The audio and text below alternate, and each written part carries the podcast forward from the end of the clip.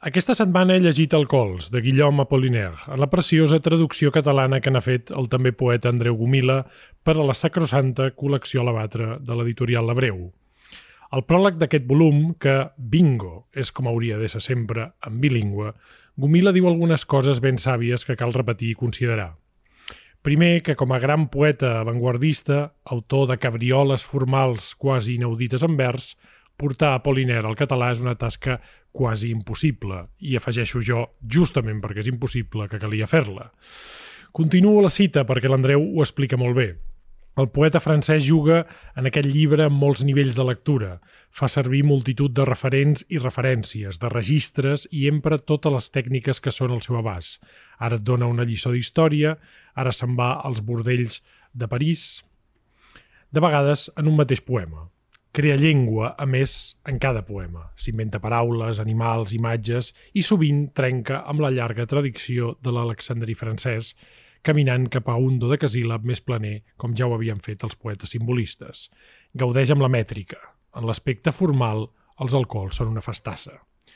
Doncs benvinguts a la Festassa, Maianeros, i permeteu dir-me, cosa que el nostre traductor sap perfectament, que seria un error i una llàstima associar només a aquest esplèndid autor, com tantes vegades s'ha fet, una simple tasca de recerca i pirotècnia verbal. La teoria ens la sabem.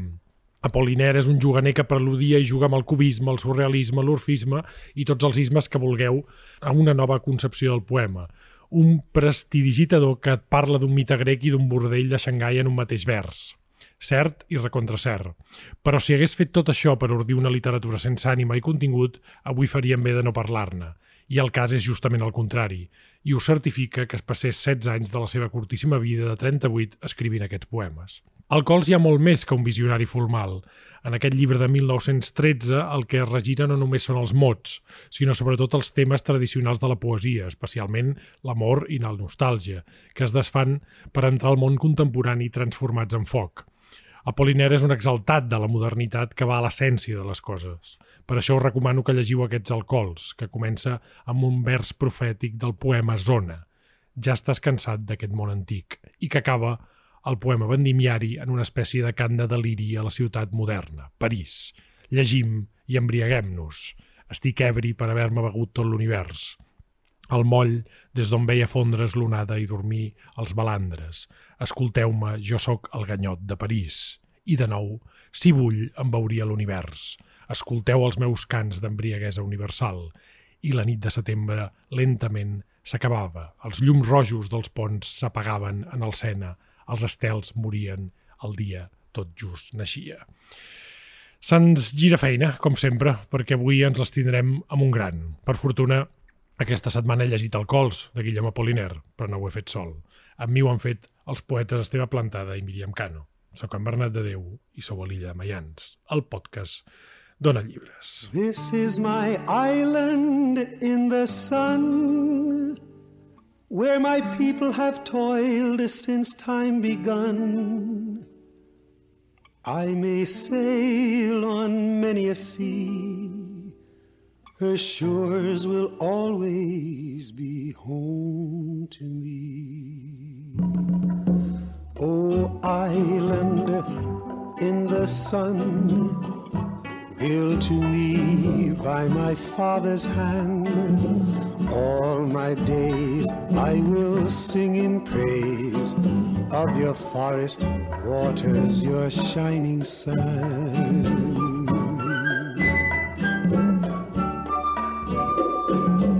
Senyora Cano, com estàs?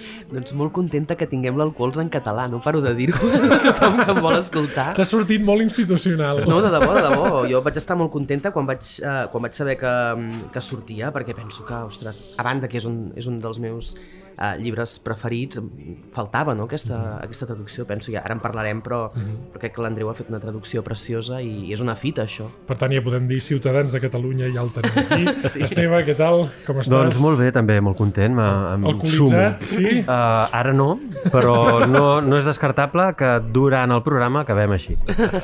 I tenim l'Andreu Gomil. Andreu, benvingut a l'illa. Gràcies per convidar-me. Has estat citat en alguna ocasió quan hem fet els reculls del bo i millor de la poesia de l'any 2020 si no recordo malament, Sí, sí, perquè sí. els anys se m'escapen en aquests temps pandèmics, però ara tenim aquí de, de cos present. Amb aquest llibre, eh, ho deies tu al pròleg, no? N'havies, eh, de, de Poliner, n'havies llegit algun fragment, però el primer que et sobta o el que et porta a escriure en aquesta traducció és que no estava feta. A què creus que és deu que no estiguis feta? Hi ha, la, evidentment, la dificultat formal, però passa amb altres po- poetes. Jo tinc la, la teoria de que molts autors d'aquella època no, no es traduïen al català perquè la gent aquí en sabia, sabia francès.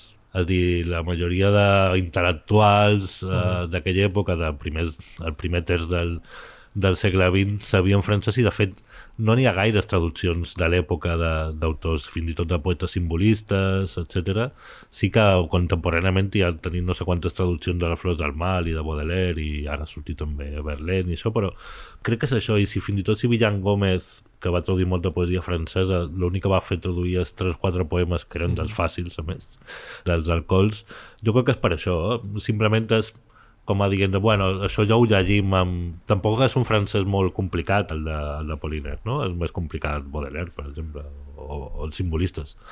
Però jo crec que la meva teoria és això, i si no, a vegades amb aquestes coses sempre algú s'hi ha de posar, no? És dir, també jo ho vaig intentar fer-ho bé perquè a vegades posar tot el meu enteniment perquè a vegades, si jo ho hagués fet o potser ho he fet molt malament, eh, jo crec que ho he fet correcte uh, però si ho hagués fet molt malament ja s'ha perdut una oportunitat és a dir, fins quan algú altre tornarà a traduir-lo en això, no? És a dir, dir, aquí està, no? És a dir, jo ho vaig llegir fa com a 15 anys això i feia molt de temps que anava, li donava voltes, no? I mira, ja està. Suposo que la pandèmia ha ajudat, no? Perquè Sí. aquesta traducció és una de les moltes filles bastardes de la pandèmia, no? Sí, sí, sí. Jo vaig per a posar-m'hi, jo abans del 2020 havia traduït una tercera part, ho anava fent quan, quan podia, i al ran de la pandèmia, això de l'enclaustrament, pues va dir, va, aquesta és la meva, digues ara o mai, no? I llavors en dos mesos, més o menys, vaig traduir les dues terceres parts que me faltaven, perquè em vaig posar en plan com si fos un oficinista 4 o 5 hores diàries a fer-ho i vaig tenir un primer esborrany tipus el juny del, del 20, no? I llavors he anat donant-li... Bueno, hi ha hagut molts poemes que han, li he donat moltes, moltes i moltes voltes. Di- Dius al pròleg que, ara ho deia en la introducció, que és una festassa formal realment. És, sí. és admirable la quantitat de, de diàlegs, de frases trencades, però després també al final, i això ho vull comentar amb els, amb els meus corresponsals al món de la poesia, perquè la poesia de, de la Pollinaire, que en dèiem aquí, es va fent essencial i els últims poemes pràcticament, vaja, se- se- s'empasten com, un, eh, com un poema clàssic, no? Sí, és, sí. molt, és molt curiosa l'evolució. Eh, co- Com definiries aquesta festa formal? I després dius una cosa també que és molt interessant i després posarem algun fragment de Poliner recitant-se ell mateix, perquè dius que és una poesia on la oralitat hi té una part important. A vegades llegeixes una frase que està trencada i penses això no té sentit, però si la cantes, per dir-ho Sí, així, sí, sí. adquireix sentit, oi? Per mi hi ha un poema clau amb això que, que dius, que era el, el pont de Mirabó. Jo és un poema que aquest poema jo n'he fet com a 5 o 6 versions. I de fet l'última versió no la faig jo, si- sinó que me la dona el Malció Mateu, gran poeta també que va corregir Sí. els alcohols. Uh, jo primer vaig fer una traducció literal com, com amb molts i llavors buscant això perquè durant, durant aquestes hores que jo traduïa me passava molta estona buscant referències i això uh, vaig trobar el, uh, que està al YouTube se pot trobar una, una versió del Pont de Mirabó recitat per ell clar, llavors vaig canviar totalment l'idea si jo tenia l'idea de no rimar de no fer coses i vaig dir, bueno, aquí esforça't una mica no? i per exemple la tornada no aconseguia rimar-la i en Malcion, que tècnicament és superbo, pues, pam, és dir, la corrector, és, diguéssim, la tornada és seva. Amb això té molt a veure, perquè jo crec que l'important quan tradueixes, narrativa també, però la poesia en particular, és trobar el to. A vegades el to no està en la rima, no està ni tan sols amb el metre, uh -huh. sinó jo sempre, per exemple, a mi un poeta que m'agrada molt que és Yates, no? que és molt complicat de traduir perquè té una musicalitat amb anglès que gairebé qui introdueixi hauria de ser músic i ell no tenia ni idea de música no? però els seus, els seus poemes eh, so, són això i amb Apollinaire eh, jo crec que hi ha una mica això no? llavors és, tens molts dubtes no? quan tradueixes, és a dir, has de copiar el metre has de copiar les rimes que, com ho fas, no? Saps? És a dir, i jo crec que el que has d'intentar és eh, buscar aquest to el to, diguéssim, has de respectar el registre, si està parlant, aquí parlen putes, eh, un sense fi de gent, déus, olímpics, bruixes, has d'intentar buscar el, el registre, no? Però el to on t'aporta? Jo m'ho passava dic, molta estona buscant què punyetes m'estava volent dir realment, no? I llavors, per sort, a Sant Google, si saps un parell d'idiomes, pues llavors pots navegar amb mm -hmm. multitud d'informació i a vegades estava una hora per traduir dos versos, no? Per simplement volia que, que m'està dient qui és la bruixa aquesta Lorelei o qui, és, qui són les set espades, saps? I coses d'aquestes mm -hmm. i ara m'ho pregunto si te diré que no me'n recordo però, per, perquè que no vaig anotar i anava buscant i anava so, solucionant problemes no? Però jo crec que el, això, és important i no sé. Fa, fa setmanes parlàvem de Joan Brossa en un uh, especial que vam dedicar-li a l'illa de Mayans i parlàvem de la poesia completa i també parlàvem d'un, per dir-ho així, deixeble de Bastard de Poliner en el sentit de la forma, però jo crec que, uh, sobretot poetes, digueu-m'ho, uh, si és veritat, que això que diu l'Andreu és molt important. Al, al final, la forma és una manera d'adaptar la música i el més important és la música del poema i la música discontínua doncs, té una forma discontínua i la música contínua té una forma més llarga és a dir que al final l'important no és tant la mètrica o les paraules que deies sinó la, aquest palpitar interior, no Esteve? Trobo que és molt pertinent això que dius perquè justament amb Apollinaire ell va optar per l'eliminació de la puntuació que, que tu has conservat perfectament per un tema eh, també de, de ritme, no rítmic no? perquè eh, ell deia no, la mateixa respiració del poema, el mateix la mateixa lectura, les mateixes paraules són les que et porten a aquest ritme i per tant és, a, és exactament això que dius tu. En, en aquest sentit, sí que et volia preguntar, ara que parlaves de la traducció, en, en aquest poema que comentàvem ara sí que hi ha la rima, però has optat per no fer la rima però sí conservar el metre, no? Sí, Imagino... una mica de manera bastardament, no? Ah. És dir, el, és més fàcil, per exemple, en català traduir octosíl·labs, per exemple, no? que és molt típic de la, en barma no, llavors mm -hmm. en mhm. català surten, no has de fer gaire grans esforços, però llevat amb els possessius i això, que en francès és molt curt i en català és molt llarg, però en català les pots treure, per exemple. I era, jo vam mai posar com una... Vaig dir, he de respectar alguna cosa, no? Saps aquest, que tu, com a poeta en la teva llengua, fas un esforç per fer una rima, una mètrica i tal, el traductor no pot ser totalment, no pot mirar-ho d'esquena, no? Segurament si tradueixes de l'hebreu o del xinès, mm tens més llibertat, però si tradueixes una llengua tan propera com el francès, jo crec que sí que has de fer alguna mm. cosa. Les traduccions mètriques tenen el problema que, que estàs, no és una, una traducció, jo defenso que això són traduccions, no, és una, no són versions de l'Andreu uh, Gomila sobre Guillermo Apollinaire, sinó quan has d'arrimar-ho tot, llavors està fent un altre poema, perquè és impossible Clar. que ho rimis tot. Uh -huh. I fins i tot te sortiran, o, a dir, canviaràs el registre, canviaràs el toc, i és el que no... Sí, sí. Però Això si... es veu en traduccions com, per exemple, el Sagarra, quan sí, sí. tradueix Dant, que ell, ell fa, una, fa una creació a part, basada en la comèdia. No? Exacte. Jo crec que una mica el tema era mantenir alguna cosa, no? Llavors, uh -huh. ell amb el do de Casíl·lab, que és el que predomina, doncs jo he intentat fer do de casira, que hi ha algun versos de 10 o de 14, a dir, no n'hi haurà d'11, eh, vale? a dir, no serà, me mantindré, haurà versos coixos, uh -huh. però sí buscar-ho, a dir, tampoc està complicat, i llavors crec que hi ha tres poemes rimats en, en tot el llibre, perquè el, sense fer res, el 80% el rimava, llavors l'altre 20% pues, corrota una mica. No? Ara que dius això, perdona, que parlàvem d'això del, del ritme, de la música, no? ja en, que m'ha agradat molt en el, en el teu pròleg, acabes dient i encara ens fa riure, ens fa somiar, ens revolta, ens embriaga, són química pura. Clar, en, en el fons una mica és això, no? És a buscar sí, sí. aquesta reacció, aquesta espurna, no? Que funcioni en el català, també. Bueno, és que la poesia per mi és emoció. Per mi, eh? Jo sé que per molta gent no, però per mi sí. Llavors és, aquest llibre és emoció, es diu Alcohols. A mi una, una cosa que, que m'agrada molt de l'alcohol és que en Bernat citava no? aquest primer vers de zona, no? ja n'estic fart, no? estic cansat uh -huh. d'aquest món antic, i justament tot el llibre a mi em sembla que és un fresc, en diríem, no? un retrat d'un moment de canvi, no? d'un uh -huh. tombant de, de segle i, i d'aquesta rauxa que ell la viu a, a la ciutat, no? encara d'autor de tot allò que l'ha fet, però molt atent a, al món que l'envolta. No? I a mi em sembla que aquest to tan arrauxat, aquest to tan oral, uh -huh. um, l'ha sabut traspassar molt bé a la, a la traducció al català. Aquest to a vegades una mica fins i tot en alguns poemes uh, naïf, no? Perquè quan està trist, Apollinaire és fins i tot, acaba sent una miqueta... O quan estima. Uh, quan Sí, sí, estima, quan és, està enamorat. és molt naïf, no? I hi ha aquest punt que jo penso que, a, a banda de tota la musicalitat no? I, i de tot el to, diguem-ne, que tot el missatge que ell explica o, o que ell desgrana en, en aquest llibre, crec que l'ha sabut traspassar molt bé. No, no, sí, el, el, dic, el problema era aquest. Eh, El que és curiós, jo, com vaig com, començar això, jo no sabia gairebé res d'Apolinar, no? que jo crec que jo, el Manco també vaig traduir Sioran i vaig fer més o menys el mateix exercici. I ara, en els últims mesos, he llegit una mica, per exemple, el que és curiós, dir, ell va eliminar la puntuació, perquè era molt amic del Blaise Centrals, i qui se li va acudir primer va ser el Centrals, no? I llavors mm -hmm. el que passa que l'alcohol va sortir abans, i llavors s'ha quedat com a Poliner, com a li va robar l'idea a un altre. No? De fet, és molt, eh, impacta molt perquè ara que deies això, Míriam, no? d'aquesta construcció de la, de la modernitat o de- d'allò, clar, el primer poema, primer vers, no? ja estàs cansat d'aquest món antic.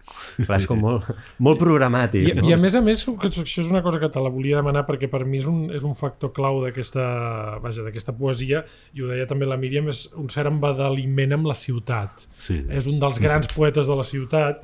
Hi ha un moment que, i a més, parlant de París, no diu tots els diumenges s'hi eternitzen i els organets de barri s'engloten en els patis grisos. Les flors, als balcons de París, es decanten com la torre de Pisa.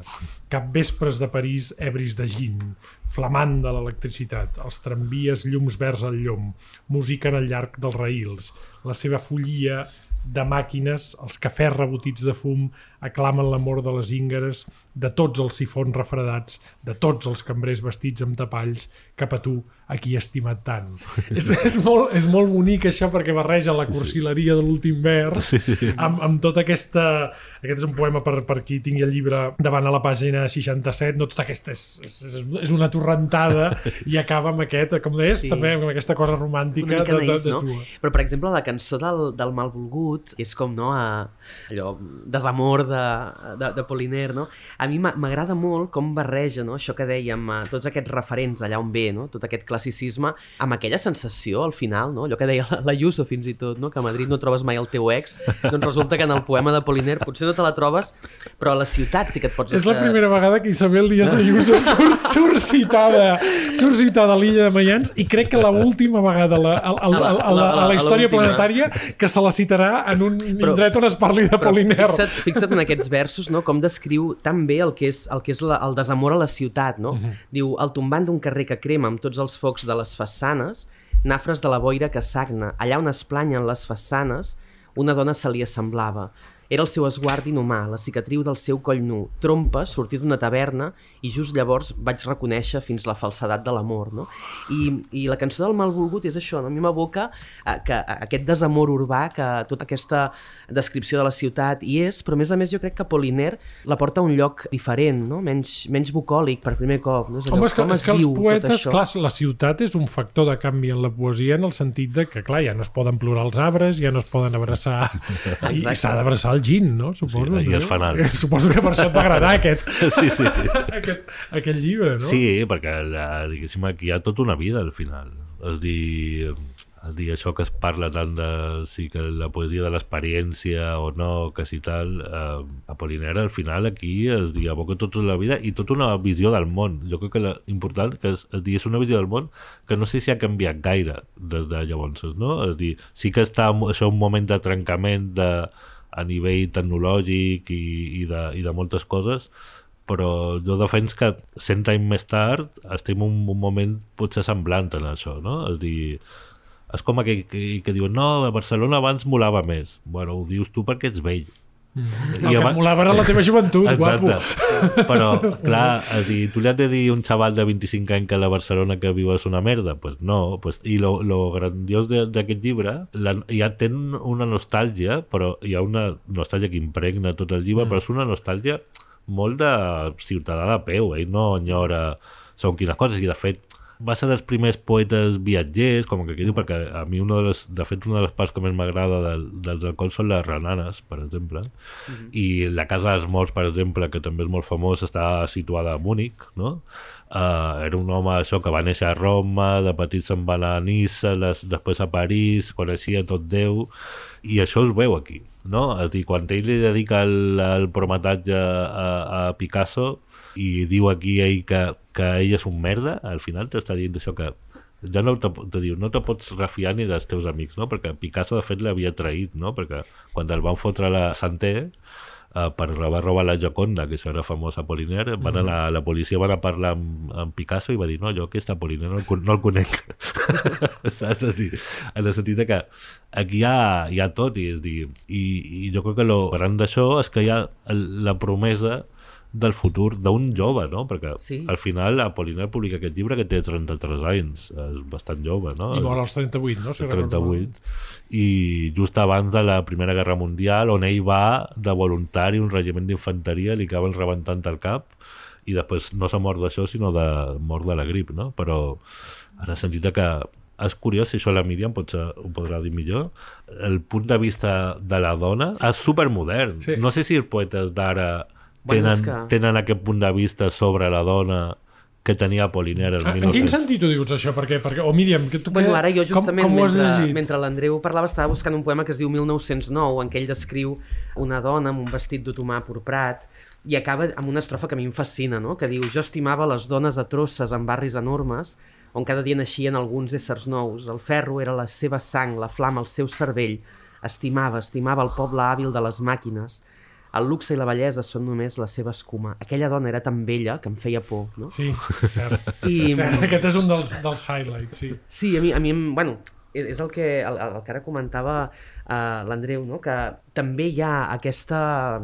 Ja sé que insisteixo tota l'estona sobre la visió urbana, no? però jo crec que Apollinaire també ens dona una visió evolucionada de la dona, no? que cau una miqueta de la vitrina o del pedestal i se situa també al carrer, a, la- a la vida, no? No, la, no, la, no la illa de la vida en comú, en societat, sinó que la fa part d'aquesta vida i a més a més no des d'un lloc delicat. No? Les dones de Poliner són dones eh, viscudes, masegades mm. i justament aquest és el seu atractiu. No? I jo crec que per això m'agrada tant l'Alcohols, perquè, perquè la visió de la dona que ell proposa és d'una gran igualtat malgrat, tots els malgrats, eh? malgrat l'època, malgrat certes desigualtats encara, no? però ell el que troba atractiu justament és aquest sortir al carrer, no? aquesta dona viscuda, i això m'agrada molt. Jo destaco també coses de... Em sembla molt fascinant, no?, aquesta polifonia també, no?, de, de diferents... eh, Bueno, des del vers lliure, al metre, bueno, a, a diferents coses, no?, de com ell és capaç de desplegar tota la, la seva imatgeria, no? I també que triga... Són 16 anys, no?, de, de redacció. Vull dir que és un llibre important, vull dir, vital. Sí, bueno, al final és, aquí hi ha poemes des de, de que ell tenia uns 20 anys anteriors. Eh, N'hi ha algun datat que posa 1901, per exemple, mm -hmm. que vol dir que ell tenia 20, 21 anys, i és un, el seu recorregut, és dir, un poeta avui dia, en lloc de fer el cols, en què ha fet tres llibres. Exacte. No? perquè és molt, a més és molt gruixut no? és dir, el... i jo crec que la qüestió està i, i lo, lo graciós és que tampoc es nota massa no? si un poema va ser escrit el 1912 o el 1901 i això és una mica la, la gràcia perquè al final el Cols és un llibre de formació uh -huh. és un llibre de la formació no d'un home diria sinó d'una persona que ha viscut unes circumstàncies com, complexes no? a nivell vitals no? Mm. És a dir, no se sabia que era el seu pare per exemple neix a Roma de mare polonesa de fet era polonès i no li van donar tot i que va lluitar a la Primera Guerra Mundial un regiment d'artilleria eh, no li donen la nacionalitat francesa fins al 1918 és a dir, fins a mesos abans de, de morir no? I, i llavors la casualitat va portar que la seva mare, la seva llengua materna, diguéssim, era, era l'italià i el polonès, i la seva mare se'n va anar a Nissa i llavors ell va anar a l'escola no? i va aprendre francès però per exemple quan el van detenir per lo de la Gioconda als diaris sortia el seu nom en polonès no? i el van intentar expulsar de França unes quantes vegades Sí. I llavors esclar era un, era un paio molt curiós Sempre diem el mateix quan es tradueix un gran llibre de poesia o quan es publica un gran llibre de poesia, ho hem dit amb l'obra completa de, de Brossa, que abans m'hi referia, que això és un gran manual pels poetes, no? Sobretot perquè jo diria, en la línia del que deia ara l'Andreu, que aquest és, un, és una espècie d'autoeducació sentimental, mm. aquest llibre, i a mi m'interessa molt a, a Poliner, que, de la qual jo en tenia una imatge molt escolar. Sempre se'n parlava de Poliner quan es parlava de Salvat Papasseit, de la poesia d'avantguarda, guarda com un, un precursor formal, Caligrames. No? Eh? Eh, exacte. Eh? I, I clar, jo descobro un poeta molt, molt sentimental i m'interessa molt els poetes que són sentimentals sense arribar a ser cursis. I aquesta línia, que suposo que tots els que feu poesia la teniu, és a dir, com, com expressar una cosa, al final, tu, escolta, es parla de l'amor, es parla de la mort, eh, i es parlen de les coses de sempre, i, i tu mateix, quan estàs escrivint, és molt difícil que no et passis de frenada. A, a la pàgina 245 hi ha un dels poemes que m'agraden més d'aquest recull, diu, al final ja no em fan por les mentides, és la lluna qui es cou com un ou al plat. Aquest collar de gotes d'aigua guarnirà l'ofegada. Vet aquí el meu ram de flors eh, de la passió, que ofereixen tendrament dues corones d'espines. Els carrers estan mullats de la pluja de fa poc. Àngels diligents treballen per mi a casa. La lluna i la tristesa desapareixeran durant tot el sant dia. Tot el sant dia he caminat cantant. Una dama inclinada a la finestra m'ha mirat molt de temps, allunyant-me cantant. No? és un poema que coreix el, el sentimentalisme i, i en aquest vorejar és exquisit com ho fa, no? Apollinaire és hereu d'aquesta potència metafòrica del, dels poetes simbolistes, no? És a dir, ell és com si agafàs a tots aquells autors, a, de Victor Hugo fins a, a això, Baudelaire, Verlaine, etc Rambo, i, i ho portés a una altra banda. Jo m'agrada molt Rambo, Verlaine o Baudelaire, eh, segurament m'agrada més Victor Hugo, però eh, jo llegint-los ara mateix, i no per fer propaganda de l'alcohol, Que també, però, eh? però em sembla, me'n sembla antic, en el sentit de que sí que hi ha poemes que són universals i que són boníssims, però en canvi, no sé què passarà d'aquí 50 anys, no? però a, encara llegint els alcohols, jo, jo ho dic, és dir, jo per mi és com si fos un llibre que hagués publicat un autor contemporani fa dos anys. I jo crec que si li treus alguna paraula tipus estenodactilògrafes que surt allà que, no, que avui no, no, no, no existeixen, però llevat de dos o tres tonteries és molt, és molt modern. I a nivell això de, de sentiments, les metàfores, jo trobo més modern això que no Eliot, no? per exemple. Mm. En el sentit, Eliot m'agrada molt, però a dir, no sé, a dir, el, el, jo tenc el, el sentiment, i fins i tot diria que Apolinera a nivell de pensament també era més avançat que molts, molts poetes posteriors. No? Jo crec que això... Sí, sí, suposo també perquè es troba en un moment històric molt, molt fervent, no? Sí, però el contemporani ell és Paul Claudel, per Sí, sí. exemple, que no té res a veure, o, o aquí, eh? diguin poetes catalans, bueno, salvant amb tot el respecte, però jo què sé, però Garau de Liost a mi ara mateix no m'arriba gaire, no? Oh. Però o el primer arriba, no? Però en canvi Apollinaire sí, i és com una mica com Foix, no? El Foix dir, supera dècades i segles perquè vivia un altre planeta, no? Vivia això el planeta del futur. No?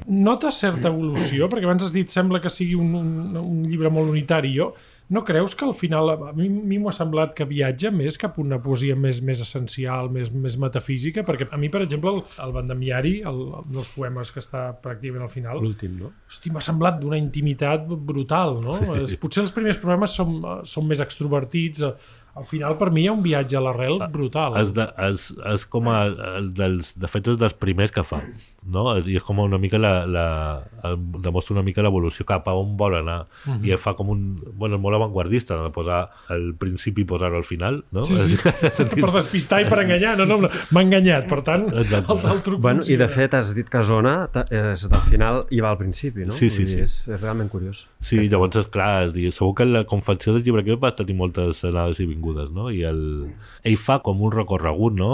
Ell hi ha un moment, per exemple, que te parla de, de la Marie, de la Nick, que eren les seves dones, Sí, i són sí. poemes seguits. Després surt de França, no? Uh -huh. i se'n va a Baviera i tot això, i que, cosa que ja va intuint perquè el poema ja tipus zona Sí. fa molt, viatge a moltes bandes Sí. i és com un, està molt ben construït aquest poema i al final això de l'enclaustrament fins que els poemes de la Santé per exemple estan al final no?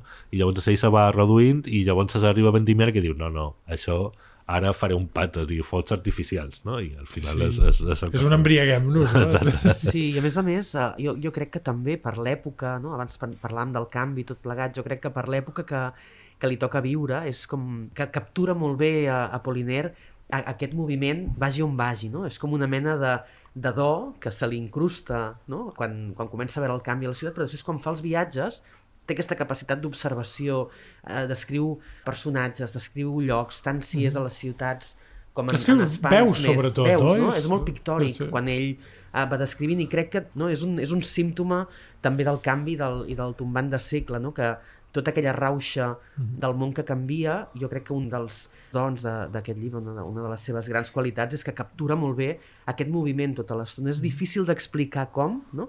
És un llibre en moviment constant. Quin model de llengua utilitza Apollinaire? Evidentment tots, vaja, tots, per molt que no sapiguem, el llegim una mica, el francès. No? Quin francès t'has trobat? Perquè el francès, en general, es diu que és un, un idioma sobre, molt uniformitzat, és a dir, Sí. al ser una cultura jacobina, el model de llengua acostuma a ser igual. és molt pari parisenc en el sentit de que no hi ha uh, marques dialectals. Si hi ha alguna cosa del, del midi, del, del sud de França, per exemple, hi ha un vent, que jo crec que li vaig posar que era mitjorn, que es diu, uh, al sud de França es diu d'una altra manera, no? I tenint en compte que en aquella època, per exemple, al sud de França, el provençal era molt important, no com ara que no el parla ningú, sinó quan ell va viure a Nissa, uh, o va, es va educar a Nissa, segurament va tenir contacte. I per aquí hi ha com una pàtina a l'Apollinaire dels, de, de poesia medieval, de Chrétien de Troyes i tot això. És dir, tot, tot això es veu en l'elecció dels temes, no? perquè hi ha molta mitologia medieval, sí. les bruixes, etc. No? I és un francès molt, en, en molts aspectes bastant popular, en el sentit de que no hi ha grans construccions... Sí, sí. Uh, No és enfaristolat, no? no, Això, no, no. Aquesta és la impressió que jo en tenia. i, i, i és això que deien, que fa el pas del, del simbolisme a cap una. Ell era molt amic, per exemple, d'Ungaretti, no? I a mi, per exemple, Ungaretti, com a poeta avantguardista, pues, m'interessa, però no, no sé fins a quin punt, però en canvi ell, el tema és la màscara aquesta de lo- de l'oculta i, lo, i lo popular, que jo crec que és el més complicat. És a dir, quan te dediques Sí, a dir, sí. compte a dir per, com ho has de fer perquè te llegeixi tothom, no? O poder interessar, tenint en compte que la poesia interessa un, un nombre específic de gent, aquí com fer-ho? Llavors ell, si hi ha el dels primers rapsodes contemporanis, segurament Apollinaire és un dels primers rapsodes que hi ha, no? Per això tenim encara enregistraments de, de la seva veu, no? Sí, no sé, I per això acabarem el, el, el programa escoltant-lo. Et volíem felicitar, evidentment, per la, per la feinada. Esperem que no hagi de passar una pandèmia perquè tornis a fer un llibre com, com l'Alcohols, que val molt la pena de llegir-lo. No lloarem més la col·lecció a la batre perquè, vaja, jo crec que el, els col·legues de l'Abreu estan fent una feina importantíssima per la poesia i, vaja, aquí tenim autors de la batre i no, i no només d'editar, sinó d'acompanyar-vos per tot el territori recitant. I una de les coses que jo volia dir, que, perquè si no les dic no moro, és que l'any passat ens va donar no només llibres molt bons, sinó traduccions boníssimes. Estic molt fart de sentir que es patim una crisi de llengua i tota aquesta cosa mortuòria del català. Nois, menys plorar i més eh, traduir i, més llegir I més celebrar. i més celebrar, I i jo crec que aquest és un molt bon llibre per celebrar l'èxtasi d'un poeta que finalment tenim en la, en la nostra llengua, perquè l'any passat eh, són moltíssimes, l'Arnau Barrios va traduir Chekhov, vaja, en Jaumà va traduir Eliot, que abans deia sí. sí, sí. Hi ha un nivell de traduccions i d'edicions en català que és extraordinària i per tant, escolta, prou de morir-nos, que és una cosa que ens, que ens agrada molt i eh, embriaguem-nos una mica. Jo crec que aquest és un, és un llibre per, per animar-se també i jo, vaja, t'agraeixo que l'hagis traduït. Si haguéssim de traçar un pla no, per poetes joves o per aquells... Què li diries als poetes joves que volen començar a escriure? És un, és un bon pla, començar per aquí. No només perquè encara és contemporani, ho heu estat dient tota l'estona, no? perquè clar, els hotels, no? parla d'hotels, parla del el desamor, no? Sí, que sí. n'hem parlat poc al principi una mica, però sí. ostres, el desamor en Apollinaire és, és, és a mi em sembla Sí. com molt modern encara, molt... És, és que és un desamor molt modern, jo crec que per sí. això ens arriba tant. Clar, mo molt d'ara. Jo penso que és una bona porta, no?, de dir, ostres, per entrar en aquesta poesia que encara sona tan vibrant, tan d'ara, no? Gràcies, com et deia Andreu, per la, per la feinàdia, per visitar-nos i ben aviat tornaràs presentant alguna, alguna, algun dels teus business. Uh, Esteve, Míriam, moltes gràcies. A vosaltres. A vosaltres. gràcies. Cède où parfois s'abaissait brusquement, et ses ombres tardées pleuraient humainement, en glissant pas à pas sur la montagne claire. Qui donc reconnais-tu sur ces vieilles photographies Te souviens-tu du jour où une abeille tomba dans le feu, c'était tout en à la fin de l'été. Deux matelots qui ne s'étaient jamais quittés, l'aîné portait au cou une chaîne de fer, le plus jeune métier était de blond en frac, les grénois, cette porte qui le frappe en pleurant, la vie est variable, plus